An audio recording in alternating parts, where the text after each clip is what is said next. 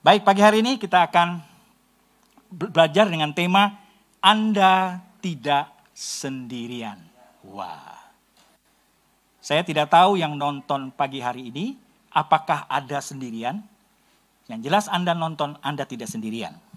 Puji Tuhan ya, haleluya. Baik, kita akan belajar bersama-sama. Next slide. Ya. Merasa sendirian di sini dapat diartikan sebagai perasaan kesepian. Karena berhubungan dengan orang lain itu kurang bermakna. Nah, merasa sendiri ini bisa dialami oleh siapa saja. Anak-anak, ada anak-anak yang dibully di sekolah mungkin. Nanti saya akan kesaksian ya, ada berapa anak yang dibully. Akhirnya mereka, bully itu sebenarnya rohani juga ya, bully-bully kan ada minyak dibully-bully ya. Haleluya. Bapak Ibu Saudara kasih dalam Tuhan, merasa sendiri bisa dialami oleh siapa saja, mulai dari anak-anak, orang dewasa, hingga lanjut usia. Pernah mengalami. Saya yang pernah mengalami hal ini. Saya angkat tangan, kita pernah mengalami. Nah, cuman ada dua, ya, ada dua hal. Saya nggak bisa tulis semua di sini ya. Jadi ada yang namanya sendirian yang wajar dan yang over. Nah, over itu udah mengarah kepada mental, sudah mengarah ke depresi. Tapi kalau yang wajar itu tidak lama sendirinya, dia langsung sadar. Nah itu kenapa? Karena manusia jasmani kita boleh lemah, tapi kita punya manusia roh yang di dalamnya ada roh kudus yang bersama kita. Itu yang menguatkan kita. Haleluya. Puji Tuhan ya. Next slide. Ya, saya nggak nggak terlalu lama di sini ya, cuman pengantar saya nanti saya baca bahas tentang firman Tuhan.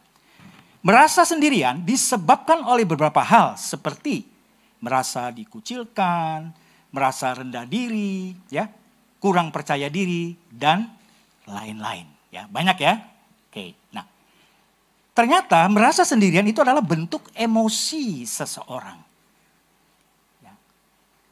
Emosi itu berarti bisa di di manage ya. Kita juga ada series emosional ya Pak ya. Ya ada nanti kita juga akan masuk di series itu bagus sekali. Jadi bagaimana kita mengelola emosi. Jadi ternyata Orang yang sendirian juga dia tidak bisa mengendalikan emosi ternyata. Memilih untuk sendiri itu juga sebuah emosi, sebuah keinginan. Karena kemarahan tidak mungkin ditinggalkan oleh orang dekatnya atau dibully atau di di apa di dijelek-jelekan atau dia merasa tidak berguna bagi orang sehingga dia menjadi apa ya? protektif ya. Jadi, wah, itu juga sebuah emosi. Nah, ini sebenarnya bisa kita lepaskan. Puji Tuhan, ya. Oke, baik. Kita akan lihat Selanjutnya, apa kata Alkitab? Wah, ini menarik ya. Puji Tuhan. Yang pertama, ya. Satu, keinginan terbesar Tuhan adalah bersekutu dengan kita. Ketik ya yang nonton di YouTube, bersekutu dengan Tuhan. Jadi Tuhan tidak menciptakan kita untuk menjadi sendiri. Ya, kita lihat dulu ayatnya. Next. Ya. Tuhan menciptakan manusia untuk bersekutu dengannya. 1 Korintus 1 ayat yang ke-9. Allah yang memanggil kamu kepada persekutuan, garis merah ya, persekutuan dengan anaknya Yesus Kristus, Tuhan kita adalah setia. Garis bawahi kata persekutuan. Persekutuan itu, bahasa yang lainnya apa persekutuan? Berteman, berkawan, baik secara dalam kelompok yang kecil maupun kelompok yang besar.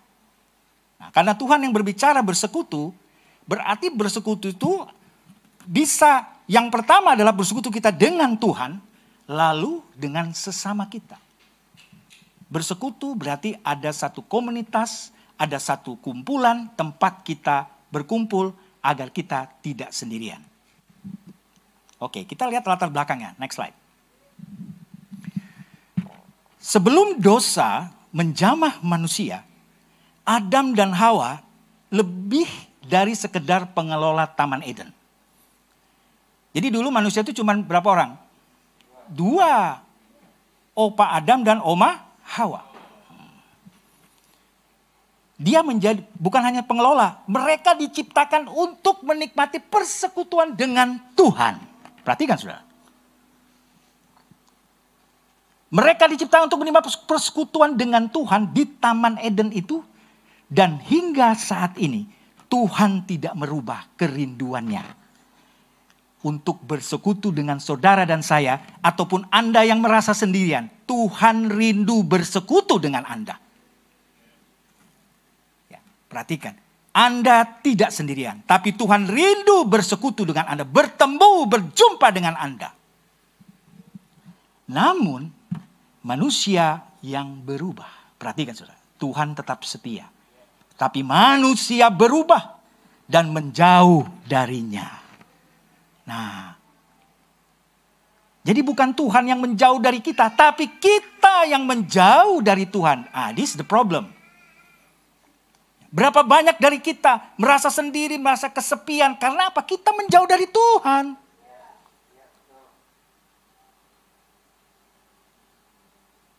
Jangan menjauh dari Tuhan. Makanya pagi hari ini yang mendengarkan program ini. Anda harus semakin dekat dengan Tuhan. Bahkan di ayat yang lain dikatakan Tuhan itu lebih dekat dari pakaian yang kita pakai. Wah luar biasa ya. Waduh. Nah, ayatnya cari sendiri ya. Hmm. Oke, puji Tuhan. Makanya rajin baca Alkitab. Ya, puji Tuhan. Nah, jadi kita yang menjauh dari dia. Nah, oleh sebab itu kita sulit mengalami sukacita. Nanti di bagian-bagian berikutnya. Oke, lanjut ya. Oke, next slide. Tidak hanya itu, kita diciptakan untuk kemuliaan. Perhatikan ya, kita diciptakan untuk kemuliaan Tuhan. Kita lihat Yesaya 43 ayat 7. Semua orang yang disebutkan dengan namaku yang kuciptakan untuk kemuliaanku yang kubentuk dan yang juga kujadikan. Ketik saya diciptakan oleh Tuhan, dibentuk oleh Tuhan dan dijadikan oleh Tuhan. Wow, luar biasa Saudara. Ya. Bahkan dikatakan di ayat yang lain, bahkan dari dalam kandungan saya sudah dibentuk oleh Tuhan. Siapa itu yang ngomong gitu ya? Mazmur Daud ya, sejak dari kandungan. Bapak, Ibu dan saudara saudara-saudara yang mendengarkan program ini nonton ini, kita dari kandungan sudah dipilih oleh Tuhan. Ya. Siapa yang dipilih oleh Tuhan sejak dari kandungan? Angkat tangan. Ketikan, saya dipilih Tuhan dari kandungan. Jadi belum mikir, belum ngetros gitu aja sudah tahu Tuhan. Sudah dipilih kita. Hebat nggak? Oke. Nah, dan bahkan Tuhan bergirang karena kita. Wah, Tuhan itu menciptakan kita, menjadikan membentuk kita itu menjadi suatu kegirangan. Ada lagunya sudah kita baca di Zefanya 3 ayat 17. Tuhan Allahmu, ayo dong baca sama-sama jangan saya sendirian. Satu, dua, tiga. Tuhan Allahmu ada di antaramu sebagai pahlawan yang memberi kemenangan. Ia bergirang karena engkau dengan sukacita. Seterusnya. Tuhan Allahmu ada di antaramu sebagai pahlawan yang memberi kemenangan. Wah, dalam kasihnya, nah, lupa saya nggak hafal ya, lupa. Haleluya. Karena kebanyakan buat firman nggak menjadi WL, jadi lupa.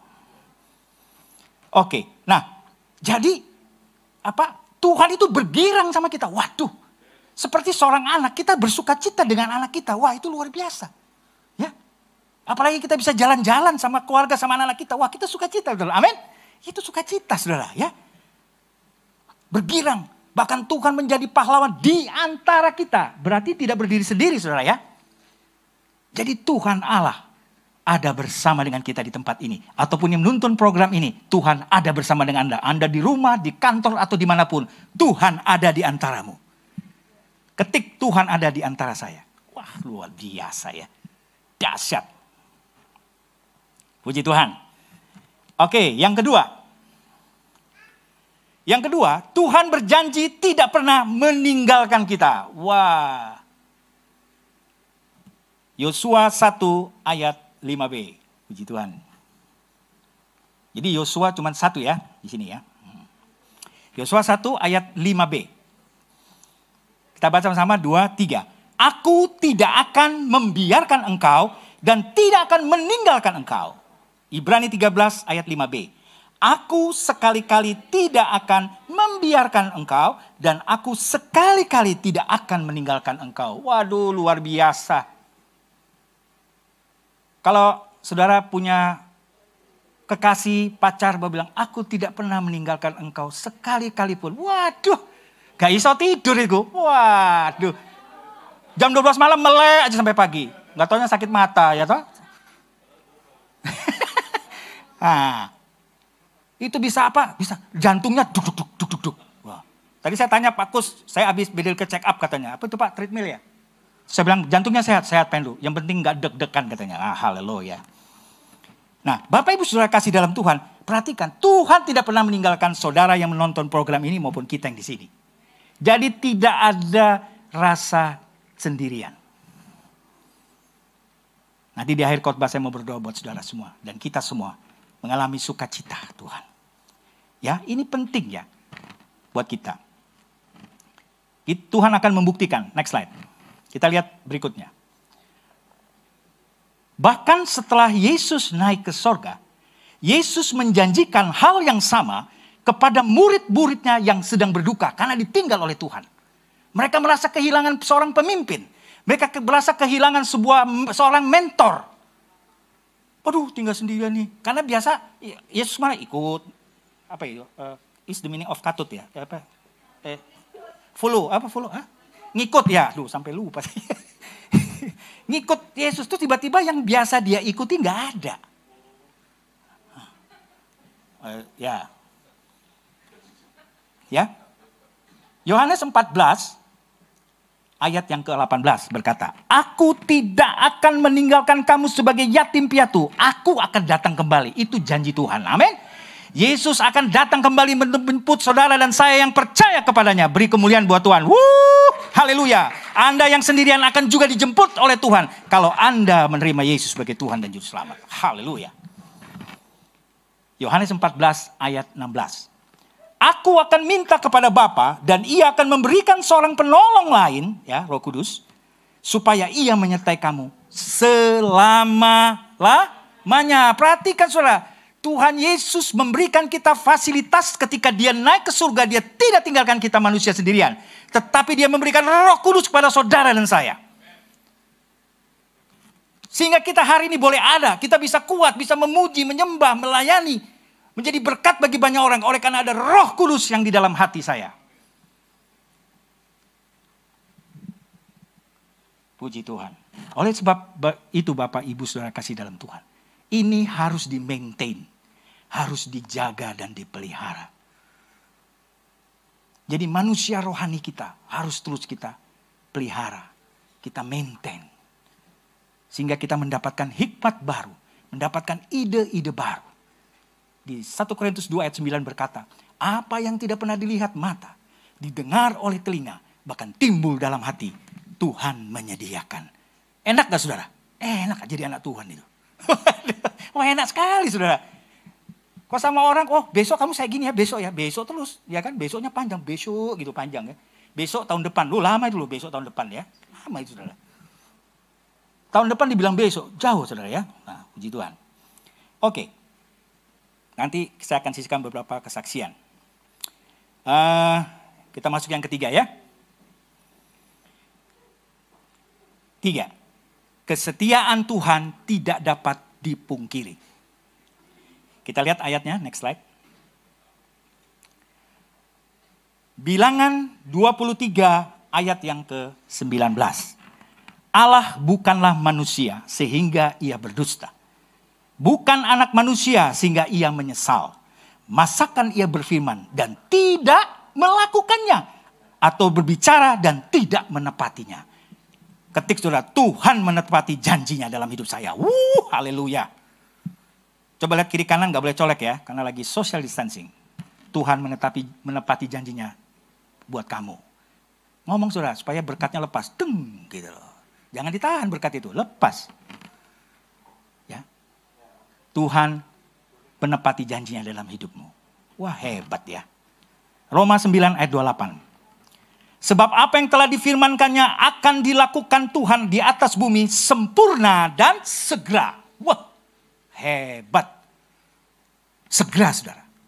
Memang di zaman sekarang ini semua terjadi lebih cepat, saudara. Sekarang mau melakukan apa saja semua serba online. Hebat ya. Saudara mau beli rumah bisa lihat aja di online rumah mana tinggal pilih.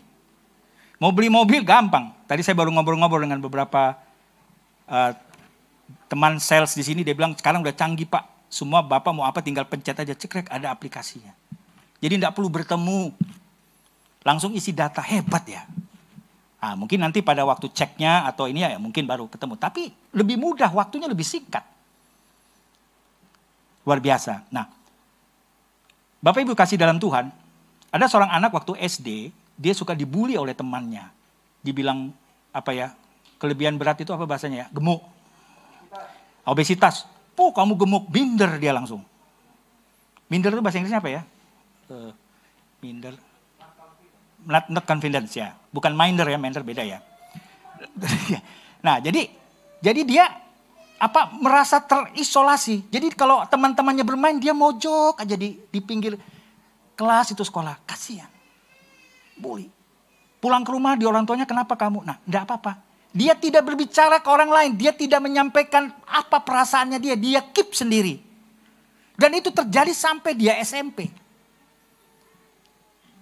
Hanya jadi takut berbicara dengan orang. Jadi kalau ada orang bertamu di rumahnya, tok tok tok, ya ada orang lari dia. Padahal orang bertamu. Nah itu kalau sudah lama tidak dibereskan, itu bisa menjadi depresi. Saudara. Ya, Bapak Ibu, jangan dibiarkan. Lep, cepat saudara lepaskan itu. Karena itu mengikat emosi kita. Karena Tuhan datang buat saudara dengan saya. Dia menepati janjinya. Dan dia tidak membiarkan kita sendiri. Hanya apa yang terjadi? Begitu anak itu ikut sebuah KKR, anak itu bertobat. Di situ dia mengalami kelepasan. Di situ dia didoakan, mengalami kelepasan. Bahwa ternyata itu ikatan. Pada manusia diciptakan Tuhan adalah manusia yang bebas dari berpikirnya lebih daripada ciptaan Tuhan yang lain.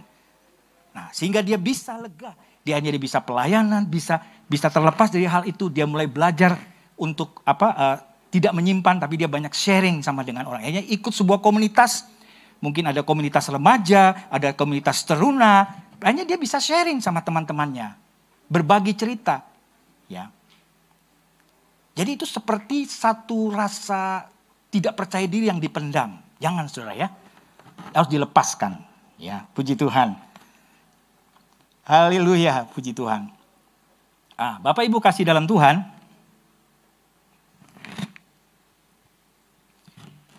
Kita masuk yang keempat. Uh, ini ada lima poin ya. Tadinya ada 10, saya diskon 50%. Jadi 5 saja. Ya, yang keempat. Tuhan mengasihi Anda dan tidak pernah melupakan. Nah, betul ya? Perhatikan Saudara. Tuhan mengasihi Anda dan tidak melupakan. Kalau manusia lebih banyak mengasihi atau banyak lupanya? Ah, lupa. Baru ngomong tadi aja, ngomong apa saya tadi ya? Itu baru ngomong itu, belum ngapa-ngapain. Ya, nah jadi manusia itu banyak lupanya. Tapi kalau Tuhan tidak pernah lupa sama saya. Ya ketika saat Tuhan tidak pernah lupa sama saya. Wow. Dahsyat saudara. Ya. Kita lihat berikutnya. Jika Anda mempertanyakan kasih Tuhan. Ingatlah bahwa sebesar tangan yang terentang di kayu salib. Itulah kasih Yesus bagi kita. Dia bukan hanya berkata bahwa dirinya mengasihi Anda dan saya, namun membuktikannya mat, dengan mati bagi kita ketika kita masih berdosa. Waduh, hebat Tuhan itu. Kita masih berdosa, kita nggak ngerti apa-apa. Sopo kita ini. Siapakah kita ini? Tapi Tuhan sudah mati buat saudara yang menonton program ini maupun kita yang ada di sini. Kita lihat di Roma 5 ayat yang ke-8. Akan tetapi Allah menunjukkan kasihnya kepada kita. Oleh karena Kristus telah mati untuk ketika kita, ketika kita masih berdosa. Wah luar biasa saudara. Jadi ada seorang bapak yang di bertobat. Waktu sebelum bertobat dia banyak teman-teman. Ya teman-teman itu suka pergi. Ya sebelum dia bertobat dia suka ya ke klub malam, jalan-jalan hidupnya nggak karu-karuan, masih ngerokok, minum-minum, mabuk. Nah, waktu dia bertobat, dia menerima Yesus sebagai Tuhan. dia itu ditinggalkan oleh teman-teman seperguruannya yang dulu sama-sama. Maksudnya perguruan yang kurang baik ini ya. Dan dia merasa sendiri. Dia cuma aktif ikut ibadah raya saja hari Minggu.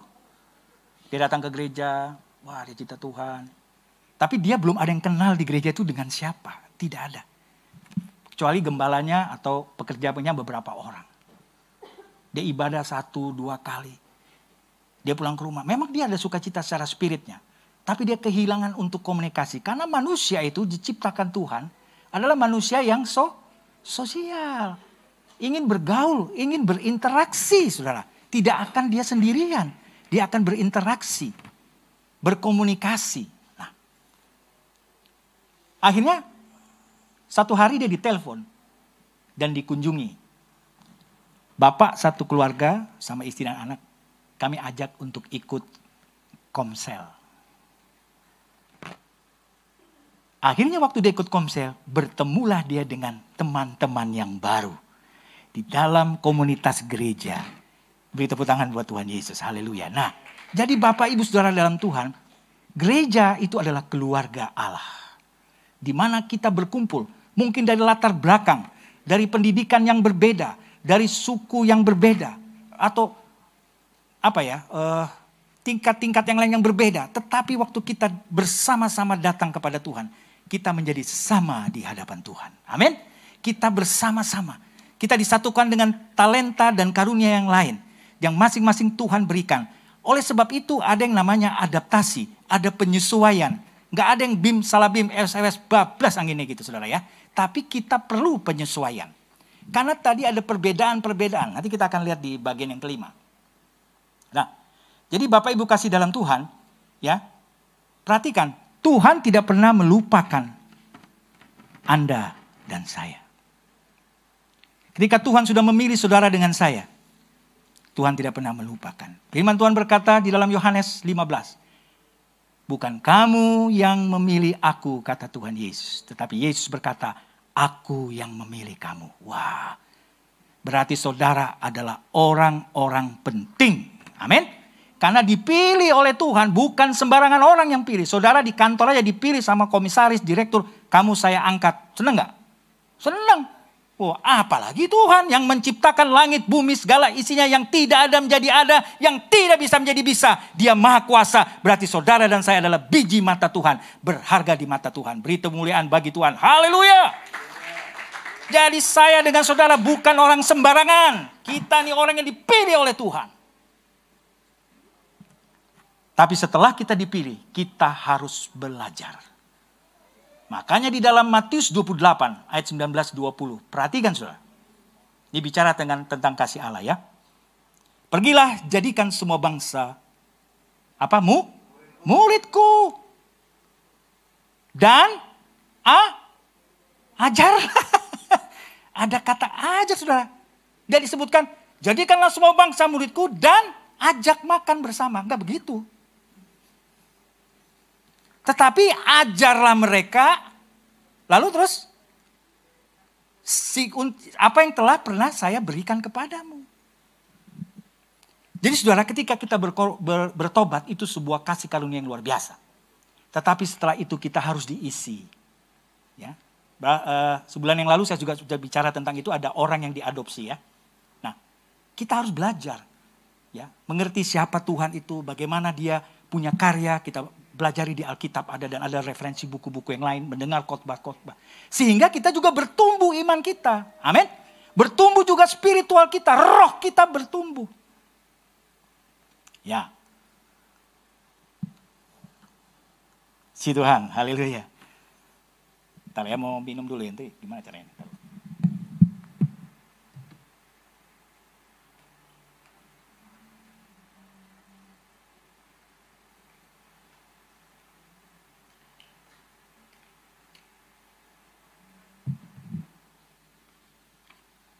Baik. Haleluya, puji Tuhan. Ya. Jadi kita harus memaintain, memelihara spiritual kita. Oke, ini yang kelima ya. Saya mungkin agak sedikit lama di sini. Ya. Ini penting saudara. Tuhan belum selesai berurusan dengan kita. Waduh, urusan apa ya? Kita lihat. Next slide. Ya. Kadang masa-masa di mana kita seperti ditinggalkan oleh Tuhan atau kita merasa sendiri, ditinggalkan oleh komunitas kita, teman-teman kita, adalah masa Tuhan sebenarnya.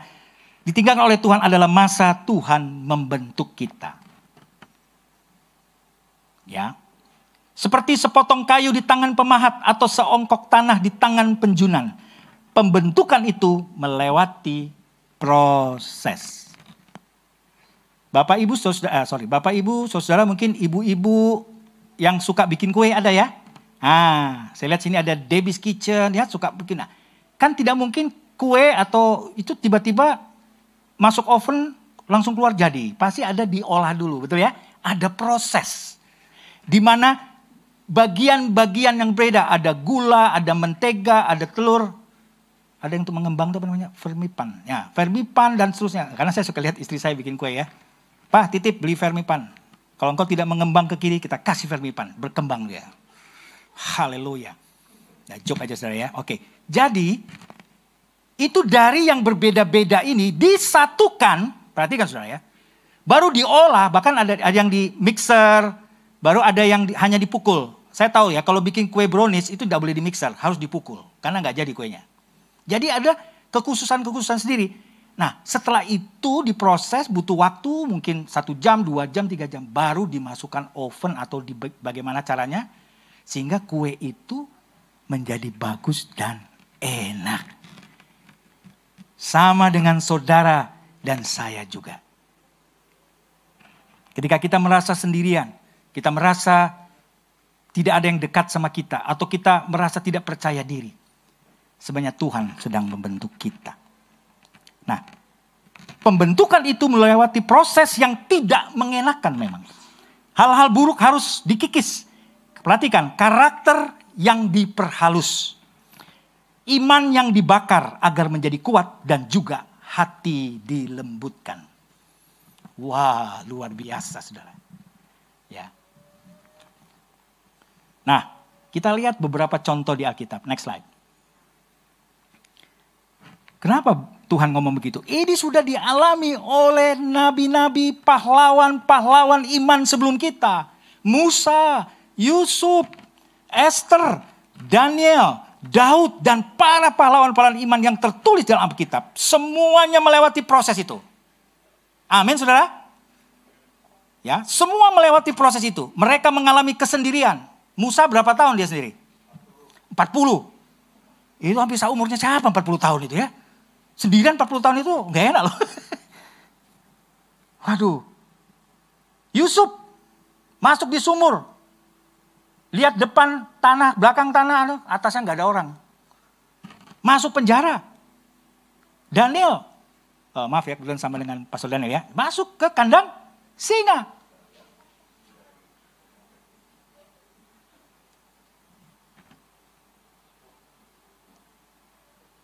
Daud dikejar-kejar oleh Saul. Sembunyi di goa. Bahkan dia ada kesempatan untuk membunuh Saul tapi dia tidak membunuh. Hebat dia. Dia menghormati orang yang di atasnya. Ya. Apalagi saudara? Kalau Esther apa saudara? Ayo ibu-ibu. Kaum wanita Esther apa? Jangan saya semua ya. Esther apa yang dia lakukan? Dia berpuasa. Puasa. Eh, makanya ada puasa Esther. Ya, siapa yang istrinya nama Esther? Ya, Om Kus ya. Sudah diintrogasi Pak? Belum ya? Belum tahu ya? Oh, Oke. Okay. Jangan sampai Bapak yang dekat nggak tahu, nanti kita yang tahu malah. Jadi saudara, apa yang dialami oleh pahlawan-pahlawan iman hamba-hamba Tuhan, nabi-nabi yang di sebelum kita, itu mereka mengalami. Jadi kita tidak usah merasa bahwa kita sendiri di dunia ini. Tidak, saudara. Hati-hati, itu iblis sedang mencuri damai sejahtera, saudara. Iblis sedang mengikat saudara sehingga saudara tidak merasakan sukacita, tidak merasakan kegirangan. Pada Tuhan mau kita bergirang. Karena Tuhan itu bergirang karena kita. Wow, luar biasa. Ya. Bapak Ibu sudah kasih dalam Tuhan, semuanya itu melewati proses. Mereka mengalami kesendirian, dipisahkan, mengalami rasa sakit, berduka, dan menderita. Namun semua itu karena Tuhan sedang membentuk mereka agar mereka bisa menjadi alat, ya, menjadi alat untuk menyatakan kemuliaannya. Haleluya. Nah, Bapak Ibu Saudara kasih dalam Tuhan, uh, ada beberapa dari kita mungkin yang pernah bekerja di hutan ya, ataupun pelayanan ke pedalaman itu sepi saudara. Mungkin ada yang kerja di tambang atau kerja di mana kok sudah shift malam itu ya, sepi, sunyi, senyap ya saudara ya. Nah. Lalu apa yang saudara lakukan? Zaman dulu belum ada handphone saudara ya. Kalau sekarang mungkin sepi bisa lihat handphone, nonton YouTube. Sekarang dulu nggak bisa saudara. Nah. Saya dulu kalau lagi survei satu pekerjaan di pekerjaan tambang, itu saya pasti bawa Alkitab. Karena dulu di handphone belum ada ya, masih handphone yang itu loh, yang kayak batu bata tuh handphone apa namanya? Pokoknya keras itu, tuh lempar orang juga sakit itu. Nah kita itu bawa Alkitab untuk kita baca. Sehingga begini, memang secara fisik kita sendiri. Tetapi ingat, kita itu ada roh. Manusia terdiri dari tiga, tubuh, jiwa, dan roh. Kita bisa berdoa, bisa memuji Tuhan, bisa baca Alkitab. Jadi kita dipenuhi dengan roh sehingga kita tidak merasa sendiri. Amin. Kita tidak masuk sendiri karena kita bisa memuji Tuhan, kita bisa baca Alkitab. Wow, diisi karena iblis itu masuk waktu saudara merasa kosong. Ya. Puji Tuhan, haleluya. Oke, okay, next. Karenanya dalam masa-masa itu, ya dalam yang di atas tadi ya, kesulitan, kesendirian, janganlah kita bersungut-sungut karena akibat bersungut-sungut itu berkat Tuhannya itu delay. Ada nggak contohnya di Alkitab? Siapa? Bangsa Israel. Bersungut-sungut yang harusnya 40 hari masuk tanah perjanjian menjadi 40 tahun. Karena bersungut-sungut, oh, pokoknya anu. Ya saudara lebih pintar dari saya lah ya, saya nggak terlalu ini. Nah, mari kita jalani proses ini dengan kerendahan hati. Perhatikan. Sebab respon kita akan menentukan seperti apakah hasil akhir dari kehidupan kita. Roma 9 ayat yang ke-20. Siapakah kamu hai manusia? Maka kamu membantah Allah. Dapatkah yang dibentuk berkata kepada yang membentuknya? Mengapakah engkau membentuk aku demikian? Nggak bisa saudara. Maha kuasa, maha besar Allah Bapa kita. Tuhan Yesus Kristus. Dia yang membentuk saudara dengan saya. Luar biasa saudara. Oleh dan sebab itu. Nanti ada dua pertanyaan di komsel saya akan tanyakan itu.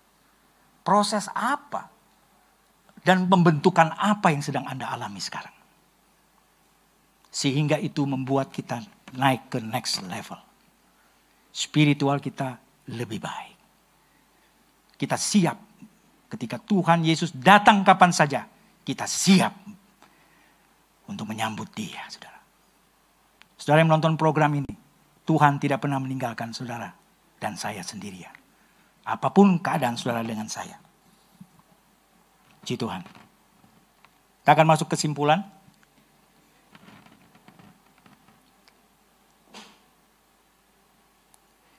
Bapak Ibu kasih dalam Tuhan. Mari kita baca sama-sama Matius 11 ayat yang ke-28. Mari kita baca sama-sama. Dua, tiga. Marilah kepadaku semua yang letih lesu dan berbeban berat. Aku akan memberikan kelegaan kepadamu kasih karena kamu sudah join dan mendengarkan khotbah dari Pastor Hendro Sahetapi di podcast Anugerah Church.